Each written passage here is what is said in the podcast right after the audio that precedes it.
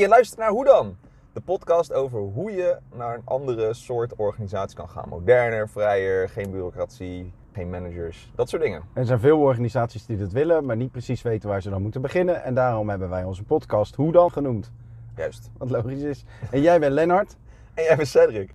Je kan dit luisteren in de auto, net als dat wij het opnemen in de auto. En je kan ons ook bellen. Of Wat? mailen. Hoe dan ook. Ga lekker luisteren naar de komende podcast. Sorry dat deze intro iets te lang duurde. En sorry dat hij niet zo heel erg goed is. Maar ja, hè? we zijn zo lekker onszelf. Koop ook ons boek. Hallo allemaal. Hallo. Nou Len, wij zien elkaar natuurlijk niet zoveel. Oh, Maar wij checken best veel bij elkaar in. Hoe vaak per week? Telefonisch? toch wel drie keer, minstens. Drie keer minstens. Dus eh safe to say, bijna dagelijks. Ja, Hè? zeker. En dat is eh, weinig, weinig mailen, weinig slacken. Maar als niet bellen, dan zit er altijd wel app tussen of zo. Hè? Ja. is altijd wel wat. Ja. Nou, Of een voicemail.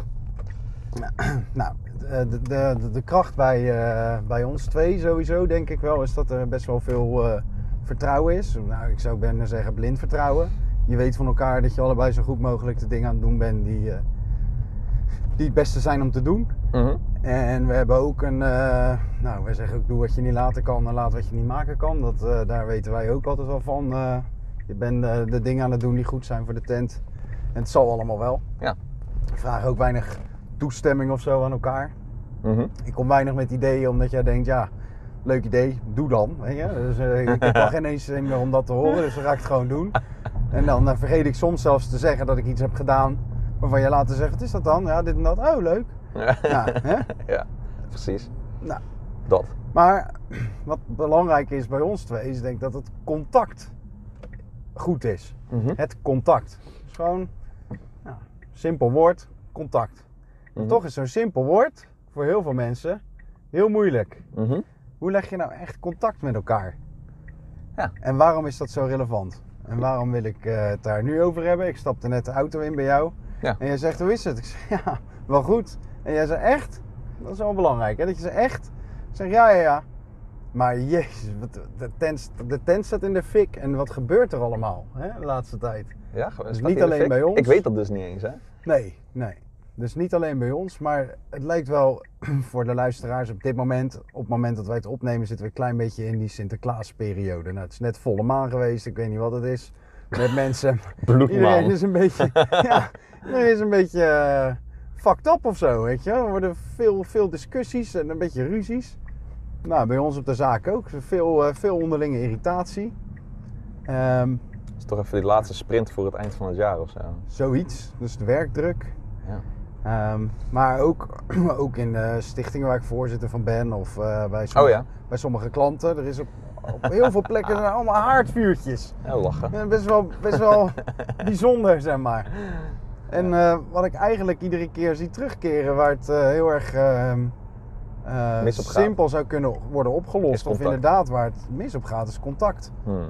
Ehm, En dan fysiek of telefonisch of mail, wat bedoel je daarmee? Het, de, de vorm, nou, daar neig ik wel echt naar fysiek qua vorm, dat dat wel beter zou zijn. Ja.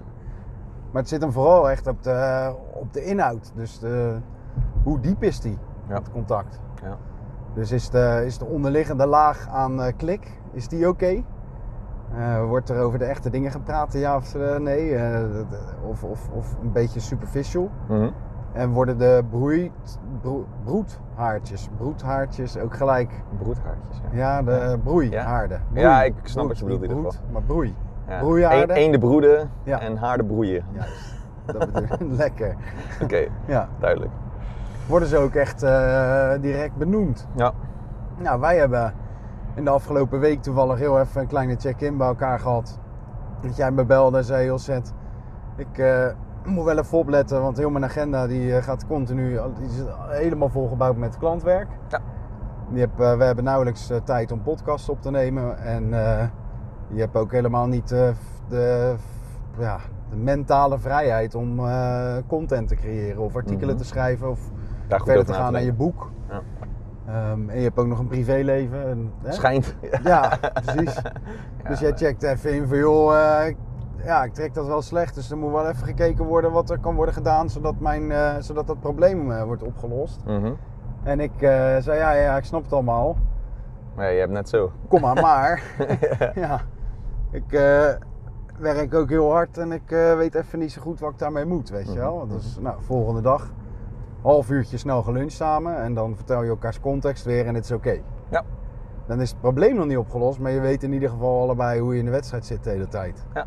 En dat contact is goed. Ja, ik voelde Maar me ook wel een stuk beter. Of dat nou daarna was door dat eh, lunchdingetje of dat we... Daarna had ik ook weer een hele, hele leuke afspraak. Mhm. Dus dat ehm gevolgd door nog een leuke afspraak. Dus ik was daarna wel ehm, soort van weer happy en weer helemaal... Ha, ik ben weer zen. I'm good. Oké. dus, en na het weekend nu nog steeds. Dus Oh, nou, ja, ik voel me eigenlijk... Dat eh, broeihaartje, ja. ja, die is bij mij alweer gedoofd. Dus dat, eh, dat is wel lekker. I'm feeling good right now. Dus wat is er nou nodig om dat contact te leggen tussen mensen? Nou ja, ik vind het wel leuk dat je dat onderwerp sowieso aanhaalt. Want we, ik wist natuurlijk niet wat Seth nu weer voor onderwerp zou hebben. Hij begon gewoon. Ehm, maar ik, wat ik wel leuk vind is dat eh, heel veel, er wordt heel veel gesproken over met het nieuwe werken en zo. En dat flex en iedereen maar lekker thuis. En eh, dan skypen we wel. Maar daar mis je zoveel als je gaat lopen skypen. Mhm. En dan kom je niet tot die, dat fysieke, eh, ja, dezelfde, dezelfde dingen, zeg maar. Mhm. dat, dat als je dan even, tussen aanhalingstekens, contact. Skype is nog steeds niet echt contact, vind ik. Mhm. En, en er wordt natuurlijk best wel veel gepromoot van, ja, weet je, wij, hebben geen, eh, wij hoeven geen office meer. En eh, we hoeven niet meer eh, bij elkaar te zitten. En daarvan denk ik, ja, ik snap het wel. En misschien kan je ook best wel ver komen. Alleen, ik denk nogmaals dat mensen best wel behoefte hebben aan ergens bij horen. Maar ook er, dus fysiek ergens bij horen. Ja, En ehm, dat het ook, dat contact inderdaad er dan dus is. ja. En dat je niet per se zo'n officeless organisatie. Ja, het kan. Er zijn genoeg voorbeelden. Maar het is wel ik vind het lastiger. Nou, dan ga ik nu eventjes naar eh, op de zaak. Is er één team dat eh, ziet elkaar eigenlijk dagelijks. Dat eh, flex werkt nooit. Nee, vrijwel niet. dus daar is heel veel fysieke aanwezigheid, maar Ja. daar is relatief weinig contact. Ja, er zijn dat nu een aantal grappig, ja. momenten geweest, een aantal discussiepunten en die zijn bij elkaar opgeteld. Dat zijn er nu ineens vier en die zijn met z'n vieren bij elkaar opgeteld. Ineens heel explosief materiaal, echt ineens een Semtex bommetje geworden. Dat is echt wel, vuurwerk. eh, ja, flink vuurwerk, ja. En, ehm, en dus alleen het fysieke contact, eh, dan ben je er nog niet. Mhm. Maar fysiek contact is wel een voorwaarde om in ieder geval goed naar elkaar te kunnen luisteren. Dus Ja. het begint in ieder geval bij luisteren. En om te willen luisteren naar iemand heb je één, wat mij betreft, eh, rust en concentratie nodig. Dat je even gewoon tone down, zitten, even lekker in je bewustzijn. Eh, en dan echt met die ander gaat zitten en dan incheckt bij diegene. Dus ook echt aankijken Dit- en luisteren. Dus dit- vragen stellen. is dit niet een beetje zweverig? Nou ja, eh, nee. Als je gewoon. eh, ja, wij kijken elkaar nu niet aan, want jij kijkt naar de weg. Maar wij luisteren wel naar elkaar. Mhm. Ehm, en we zijn oprecht geïnteresseerd. Dus je wil ook dat die ander het ook goed heeft. Yes. Ehm, Maar is het, ja, kan, dit, kan iedereen dit? Wat jou betreft? nee, dat denk ik niet. Oké. Nee, ik denk niet dat iedereen er even goed in is. Ik denk wel dat iedereen eh, die eh, gehoor heeft, in staat is om te luisteren. Zeg Oké. maar. En anders in staat zou moeten zijn. Maar dan is het wel belangrijk dat iedereen zichzelf wat beter ontwikkelt, misschien op dat vlak. Ja.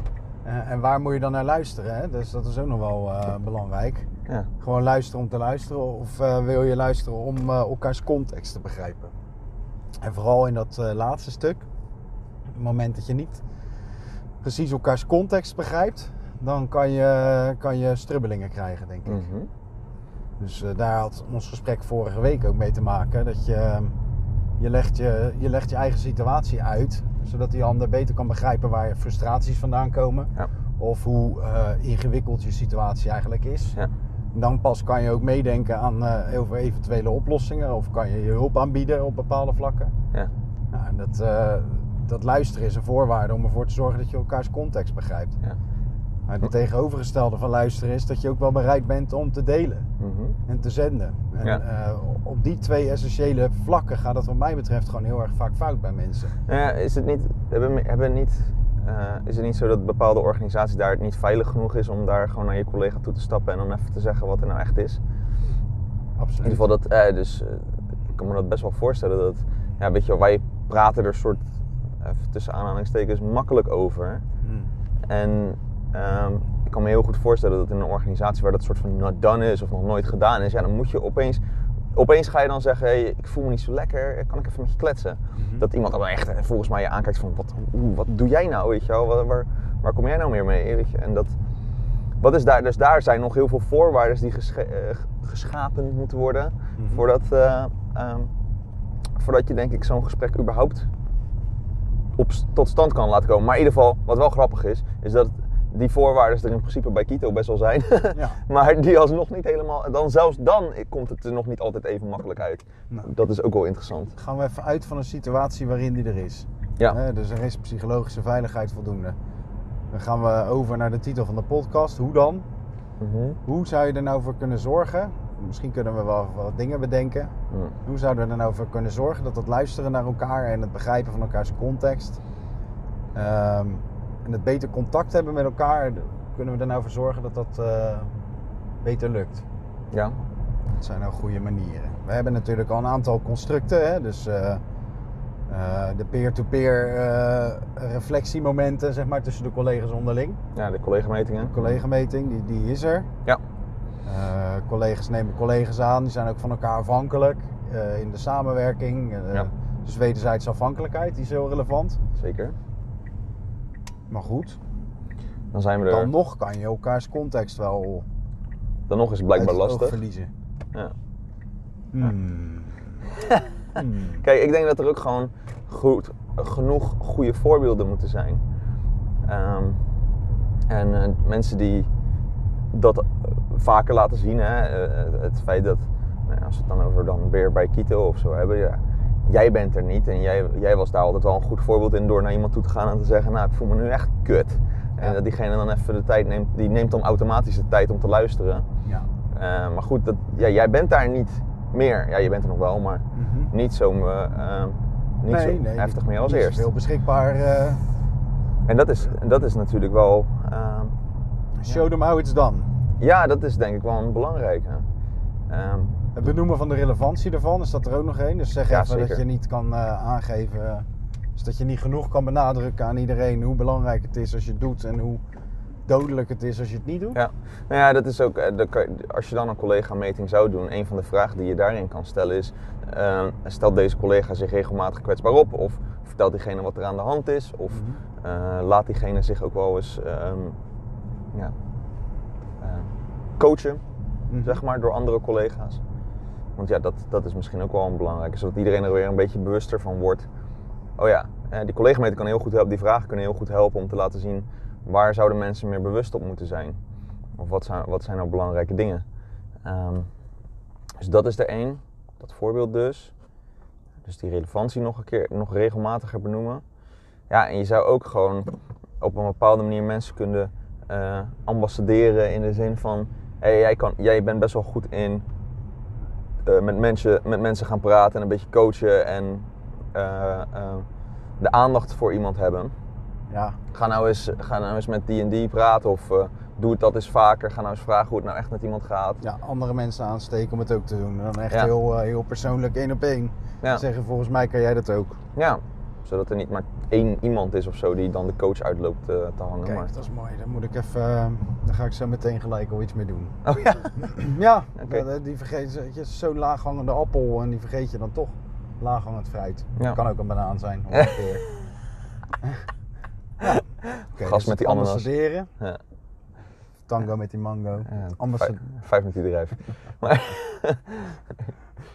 Daar zijn we allebei toch aan het nadenken over nog een. ja, ik, eh, ja, dat is wel lastig. Dus laten we hem nog even vullen met nog een stukje fruit. Had ze flats met die kumquats.